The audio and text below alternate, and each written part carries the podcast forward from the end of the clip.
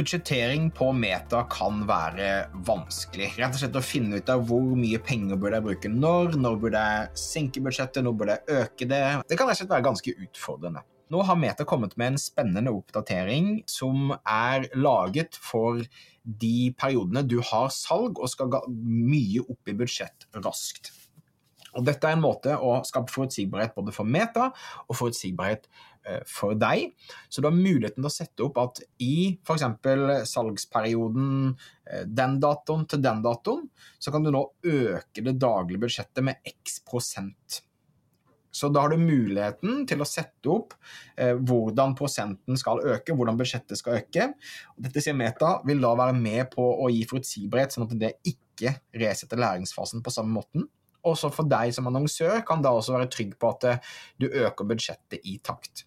For Vår anbefaling er i hvert fall at du ikke går og dobler eller tredobler eller firedobler randomly budsjettet, men at du øker gradvis over tid. Så Vår hovedregel er 20% økning hver tredje dag, men i perioder sånn som Black Friday, svære påskekampanjer, back to school osv., så, videre, så kjører vi da høyere prosentsatser, og også da ofte eh, daglig.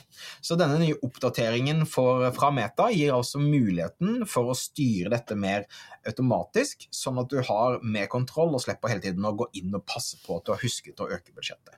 Så en kjempespennende oppdatering.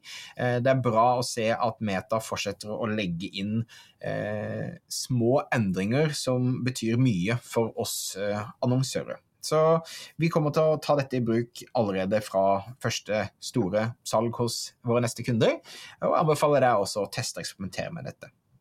Ok, Hvis du vil ha flere oppdateringer som dette, husk å abonnere på podkasten Suksess med annonsering. Mitt navn er Thomas Moen, og vi prates neste uke. Ha det fint.